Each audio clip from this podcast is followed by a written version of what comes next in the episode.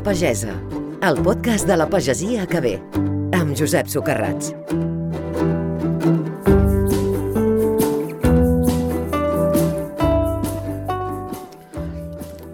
Ens parlen del camp i pensem en paratges infinits de conreus lluny, ben lluny de les grans ciutats.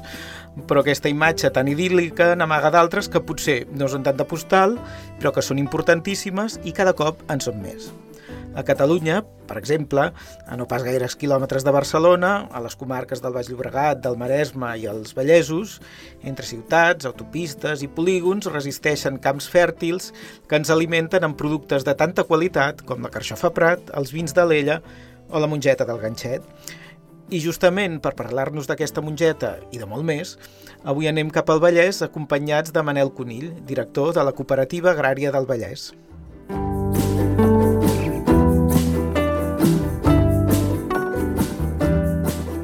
Ona Pagesa, amb Josep Socarrats. Benvingut, Manel. Hola, gràcies, Josep.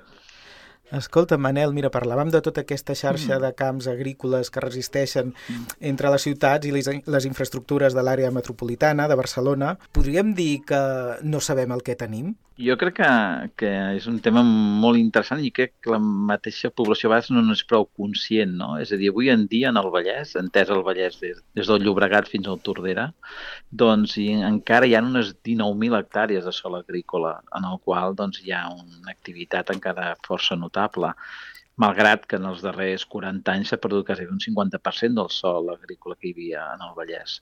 Tot i això, encara tenim aquesta base territorial, que és la que permet que encara molts agricultors doncs, puguin conreuar i, i en aquest cas doncs, vendre els seus productes. Mira, de fet, jo quan he llegit que l'agrària del Vallès eh, la cooperativa agrària del Vallès té, té mil socis, he quedat fins i tot eh, impressionat. Eh, quina història té aquesta cooperativa, Manel? Bàsicament és, és, és una cooperativa que emergeix amb força, bueno, ja històricament, eh, doncs abans de la, de, de la guerra hi havia certs antecedents, no? però sobretot eh, reneix amb certa força, eh, sobretot als finals dels anys 60-70, especialment amb un model d'agricultura, diguem-ne, molt familiar, amb, amb moltes explotacions, amb poca, en aquest cas, ramaderia, és a dir, no, no amb un excés de, de, de bestiar amb el poc que fa el número de caps, sinó que bàsicament d'auto d'autosuficiència i sobretot d'una venda molt local. Això, eh, la gran transformació bàsicament va passar per la, la ramaderia i en aquest aspecte és, és el, el que hi havia doncs, bueno, necessitat doncs, d'una doncs, cooperativa que pogués donar serveis doncs, en aquell cas en el, en el, en el boom que va haver-hi als anys 50 doncs, de, de la ramaderia. Per tant, nosaltres al seu moment doncs, hi havia fàbrica de pinços, amagatzematge de gra i tots aquells serveis que o eren d'una forma cooperativitzada o era molt difícil de que la gent pogués disposar d'instal·lacions aptes per, per poder mantenir doncs, tota aquesta activitat agrària.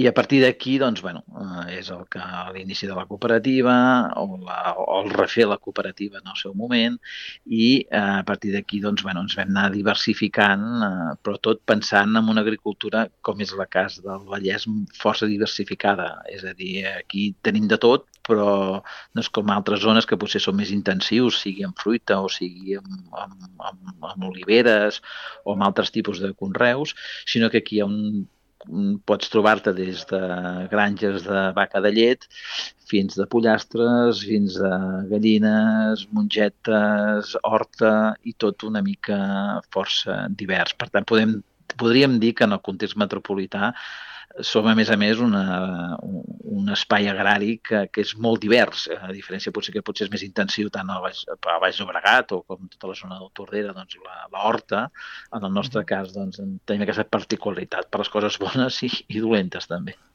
Bé, i tenir una singularitat molt interessant, que amb el conjunt dels vostres socis, l'Agrària la, del Vallès és líder en la producció de la llegendària, podríem dir, mongeta del ganxet, eh, que té una denominació d'origen protegida i tot.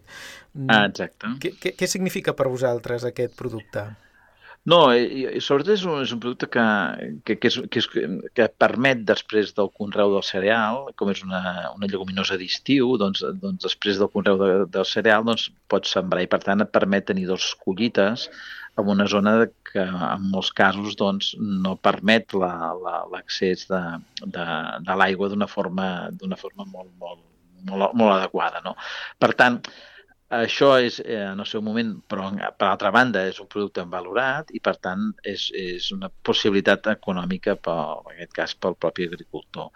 A partir d'aquí, doncs, la recuperació, perquè inicialment la mongeta del ganxet doncs, hi havia, a tot li deien ganxet, però sí que als anys 90 es va fer una recuperació a través de l'oficina comarcal de, del Vallès, d'Extensió de, de, Agrària, es va fer una recuperació d'aquestes varietats, també amb la universitat, i això va donar peu a poder doncs, eh, d'alguna manera recuperar la mongeta del ganxet, que bàsicament eh, és apreciada també i molt valorada i sobretot gràcies al grau, al grau, al grau de ganxo que fa. Per això, diem-ne, com més ganxuda, més bona és la, la mongeta del ganxet, o si més no, és, un, és una característica que ens permet identificar clarament doncs, la qualitat d'aquest producte. I això va desembocar després doncs, amb una DOP, amb l'ànim aquest poder, doncs, poder verificar i certificar de cara al consumidor i també fora del nostre entorn doncs, la, el valor que té la, la, aquesta mongeta. No, de fet, fins i tot ara fa poc que heu estrenat un, un documental en el que mm. l'Agrària del Vallès doncs, hi, hi ha tingut una implicació especial que una mica ve confirmar que eh, aquest producte, la mongeta del ganxet, és un cert fenomen agrícola no? en el nostre país. Sí, eh, tot, tot això forma part de, de, de diferents treballs que s'han anat fent, inclús amb la recuperació de les pròpies varietats, eh, amb les línies pures, és a dir, sempre ha estat una, i aquesta és una bona eina de difusió i sobretot d'explicar quina és el, la situació, eh, diguem com avui en dia, que, com es conreu aquesta mongeta, perquè tothom, eh, hi ha una part molt important que es fa amb canyes, però també hi ha gent que ho fa amb malla, eh, també hi ha altres tècniques, a l'hora de collir doncs, eh, hi ha qui, qui bat de, doncs, amb maquinària, d'altres que, que, que no, que, que és recollir de mà, eh, i fins i tot s'utilitza algunes màquines provenents de, de la viticultura per, en, els, en, els, en els espais, diguem-ne, inclús per poder-la per poder-la recollir. Per tant, i també alhora eh, el tipus de, de reg, es fa reg en gota a gota, també reg amb aspersió, i també encara queden algunes explotacions aprofitant els regs tradicionals doncs, de poder regar doncs, eh, amb l'aigua doll, no? I per tant, tot això es reflecteix en aquest documental i és una aportació, diguem-ne, en aquest catàleg de pràctiques agràries que potser d'aquí 40 anys, quan el mirem, doncs veurem una, una, com es feia llavors, no? I esperem que continuem encara fent mongeta del ganxet. Sí, de, de, de fet, eh, el, aquest documental que té aquesta finalitat pedagògica i divulgativa, eh, no sé si respon al fet que potser encara ni el mateix Vallès, no sé si la gent ja sent que la mongeta del ganxet és, és un valor, un tresor propi, gairebé una icona de, del territori. Jo, jo crec que és un producte que identifica molt bé amb la realitat del camp del Vallès, no? I, i sobretot el ser una, una mongeta molt fina i molt apreciada, que històricament la gent també havia estat... Eh, hem de recordar que abans, la, abans de la ramaderia, eh, bàsicament, la, la principal font de, de, de proteïna eren les lleguminoses i, de fet, ara està tornant tot uh -huh. aquest món. I, per tant, d'alguna manera, eh, per disposar d'una lleguminosa que no tot arreu funciona igual i que per, quan dic això em refereixo que no tot arreu es pot conreuar, sinó que les condicions diguem ambientals són les que determinen doncs, eh, que, que, que, que arribi a bon port la, la mongeta, això també és el que la fa característica, perquè és una zona de que és prou a prop del mar, però suficientment lluny, eh, que té unes temperatures que permeten que la floració doncs, arribi, eh, arribi a quallar i, per tant, eh, moltes vegades inclús ens hem trobat gent que ha plantat enganxet en altres zones i ostres, és que fa molta fulla però no fa cap flor, no? I, i i tothom a vegades ho prova, no? perquè diu, portem a un altre lloc a veure si això funciona. I realment és això, és un cultiu molt característic d'aquest espai del prelitoral, no? que, que pots anar des de, des de Bescanó més o menys fins, fins ben bé fins a Reus i aquesta zona del prelitoral i si vas massa amunt o massa més avall doncs no acaba de, de ser el seu espai preferit malgrat que, clar, tot això caldrà veure en els propers anys què passa amb les incidències sobre el clima i com això es tradueix. de fet, eh, mirant eh, la, els vostres productes, eh, tot i aquest domini de la mongeta al ganxet, en teniu algun més eh, i, i també ens crida l'atenció, no? per exemple, les, les mongetes dels genolls de Crist. O sigui, no mm. sé si, si és uh, realment una voluntat de la cooperativa la d'apostar o, o, o donar valor a aquestes varietats més locals o, o realment són varietats que us heu trobat entre els vostres socis i que dieu, bueno, mm. posem-les aquí també a l'aparador. Bueno, de, de fet, aquí la, la gran expansió de varietats és als anys 20, no? del segle passat. No? És a dir, que no, en tot el, totes les zones dient aptes d'horta, doncs hi havia una gran diversitat de mongetes. I aquestes, d'algunes, han, han anat desapareixent o perquè s'han deixat de consumir o perquè s'han finalment ha sigut una evolució. No?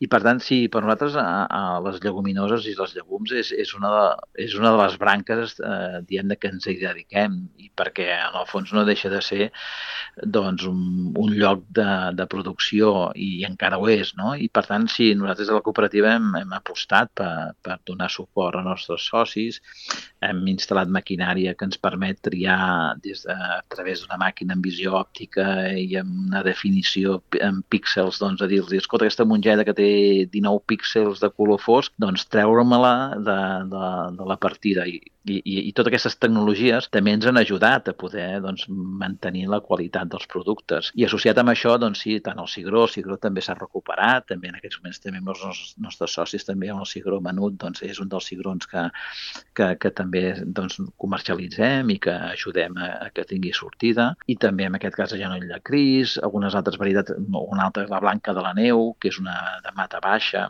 i que és una llegum de, de, de primavera, o també altres eh, varietats eh, d'ull de perdiu, és a dir, aquestes varietats diguem més antigues que probablement comercialment no, no és que siguin, no, no, no, tenen, no tenen un recorregut molt llarg, però sí que nosaltres des del punt de vista de, com a cooperativa, doncs, eh, lògicament l'estandard és la mongeta del ganxet, però darrere d'ell d'ell també arriben, per exemple, Fesol molt Ros, que també se'n fa a les zones de, cap a més al Gironès, però també aquí també hi ha zones d'aquí, del Maresme també se'n fa, i per tant sí que és una, les leguminoses parades és una aposta i és un conreu que, que nosaltres considerem que té, té futur i si més no és una cosa que hi hem apostat i, i jo crec que més o menys també permet oferir una diversitat de producte en el consumidor i sobretot de producte de proximitat i local. Clar, nosaltres animem a tastar-los, sincerament.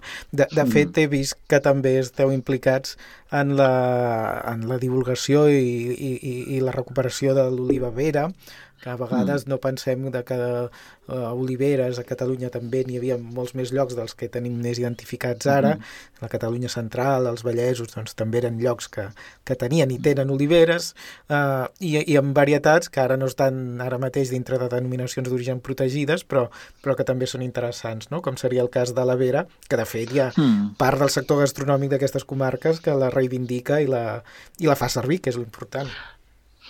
Sí, sí, aquest va ser un projecte que el 2013-14, amb, amb l'IRTA de, de Mas Bové, vàrem, eh, vàrem, vàrem intentar esbrinar si tota la població d'oliveres vera, que bàsicament es trobaven molt a prop de, del sòcol de, de, la, de la part del prelitoral, de la serrada prelitoral, que podia anar des de Setmanat fins, fins a Cardedeu, eh, tota aquella població, si realment era pròpia o no. Llavors, a través de marcadors moleculars i això es va poder definir que era una, una, una població pròpia i, per tant, eh, que era diferent d'una altra que es concentra de, de vera a la zona del Bardal, que també en diuen cap al Bages i el Igualada i el nord del Baix Llobregat i això ens va permetre doncs, poder-la bueno, mm, classificar, poder-la registrar com una varietat comercial perquè tothom hi pot tenir-hi accés i d'alguna manera doncs, vam recuperar aquesta varietat que és un oli doncs, verge extra amb unes qualitats aromàtiques molt interessants i d'alguna manera vam fer aquesta aposta i també vàrem fer un pas més que és poder certificar la, les noves plantes de, de vera. Això és tot un procés i, i per tant, en aquests moments, doncs, aquella gent que vulgui doncs, eh, conreuar o plantar doncs, eh, oliveres vera, doncs, des de la cooperativa doncs, vam poder doncs, obtenir aquesta certificació i alhora, poder, alhora poder també eh, posar-la a disposició d'aquells agricultors o aquella gent que tingui ganes de, de, de fer olivars, eh, siguin al Vallès. Algunes vegades també, eh, eh, en algunes zones que fan copatges, doncs també inclús en, compren algunes d'aquestes uh -huh. varietats per ajudar doncs, a millorar, a veure que és tot un, tot una línia que també hi ha avui en dia amb els copatges, amb els olis. No? Uh -huh. Per tant, sí, és un patrimoni. Nosaltres llavors vam fer un inventari amb el suport del Consell Comarcal del Vallès Oriental i vam inventariar 12.000, quasi 13.000 oliveres vera eh, perquè hi ha algunes que ho són, altres que no, i per tant uh -huh. això implicava també un treball de camp, però bueno, més o menys vam determinar i també sobre un sistema d'informació geogràfica les vàrem les vàrem, diguem-ne, localitzar les, els diferents recintes uh -huh.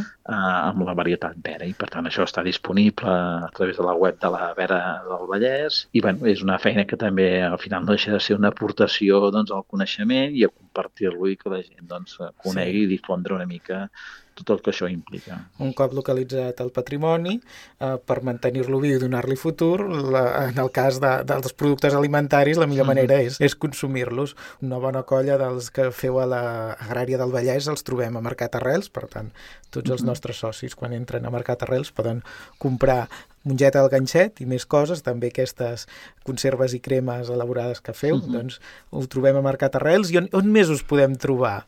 Manel? Bueno, normalment, a veure, nosaltres sí que tenim, a la cooperativa tenim tres agro, agrobotigues, una a Sabadell, una altra a Vilanova del Vallès i l'altra aquí a, a Llerona, a les Franqueses, perquè bàsicament perquè teníem relació amb, les, amb la, la cooperativa agrària de Sabadell en el seu moment i, i també amb la de Vilanova i també altres comerços locals i, i per tant eh, normalment fem una distribució sobre, doncs, sobre aquest aquest, espai. Bàsicament estem al Vallès, alguna cosa al Gironès, a Barcelona, i a Barcelona potser hi som poc, però bueno, eh, en definitiva la nostra funció és poder donar valor afegit al producte, poder liquidar bé en el soci i d'alguna manera bueno, i intentar arribar al màxim possible.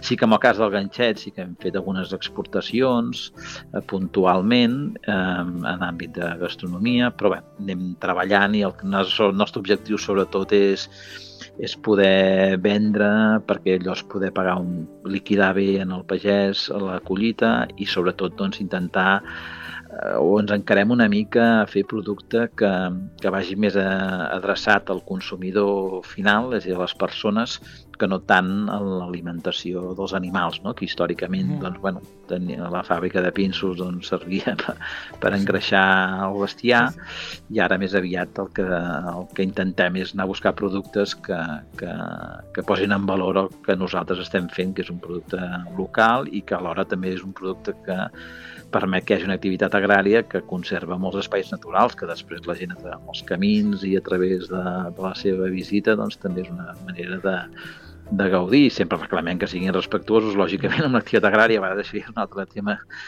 que Aquests, donaria per, per, per un altre podcast, no? sí, sí.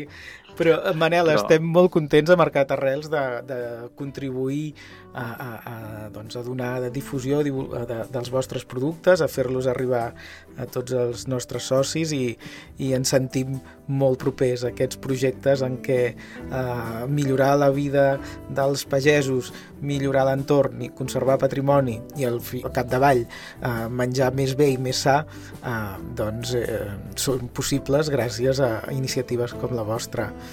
Gràcies per explicar-nos a la Manel. Gràcies, gràcies a vosaltres i sobretot perquè us feu ressò de la, a través de Mercat Arrels doncs, de totes les nostres iniciatives i el que estem fent. I moltes felicitats pel projecte i endavant. Molt bé, a Riusiau vagi bé. Fins aviat, Manel.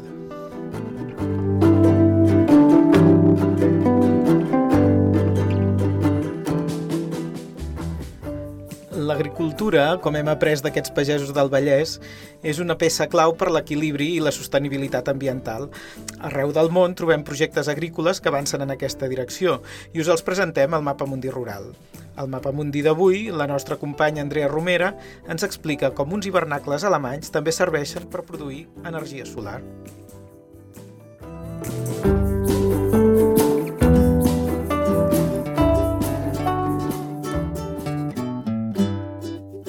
Ona Pagesa.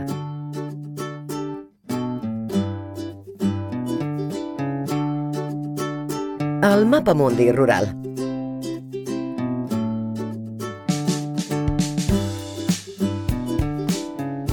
La cadena Deutsche Welle ens presenta dos empresaris i pagesos alemanys que han construït un hivernacle amb plaques solars a la seva granja. Els seus noms són Fabian Karhaus i Josef Ner i han fet un pas endavant en l'agricultura sostenible. La calor i les sequeres que ha patit Alemanya en els últims anys van portar aquests dos emprenedors a buscar una manera segura de cultivar productes de qualitat. Volien fer un hivernacle, però tenien clar que volien prescindir del vidre i el plàstic. Aleshores van tenir la idea de crear una estructura d'acer amb plaques fotovoltaiques, ja que a part d'utilitzar-la per cultivar, els aportaria altres beneficis energètics. Ells mateixos van dissenyar l'estructura i un cop feta van plantar-hi sota ella mores i navius. Els propietaris de la granja asseguren que l'ombra d'aquestes plaques solars augmenta el rendiment de l'hivernacle. A més, confirmen que els sostres solars modulars estalvien aigua perquè disminueixen l'evaporació. Per això, la primera collita de l'any ha estat bona, segons diuen. Però el més important és que gràcies a les plaques solars s'estan generant energia verda, que en aquest cas els dos pagesos alemanys faran servir per posar en marxa els seus propis sistemes de refrigeració i deshidratació dels fruits vermells. Us ha parlat Andrea Romera des de la redacció d'Arrels. Ona Pagesa, el podcast de la pagesia que ve. Bé, eh, i d'aquesta manera acabem aquest capítol d'Ona Pagesa, que és un podcast que és possible gràcies a les aportacions dels socis d'Arrels al món que torna. És molt fàcil ser-ne si encara no en sou i voleu donar suport a iniciatives com aquest podcast i moltes més. Uh, entreu al web mercatarrels.cat barra socis i us explicarem com, com en podeu ser, que ara és molt interessant, tenim moltes propostes per vosaltres. També ens podeu seguir les xarxes socials amb el compte arroba monarrels. Des dels estudis de Ràdio Amèrica Barcelona us hem acompanyat Mariel Lesnivitsevski Boronat, el control tècnic, i qui us ha parlat fins ara, Josep Socarrats. Fins al proper capítol.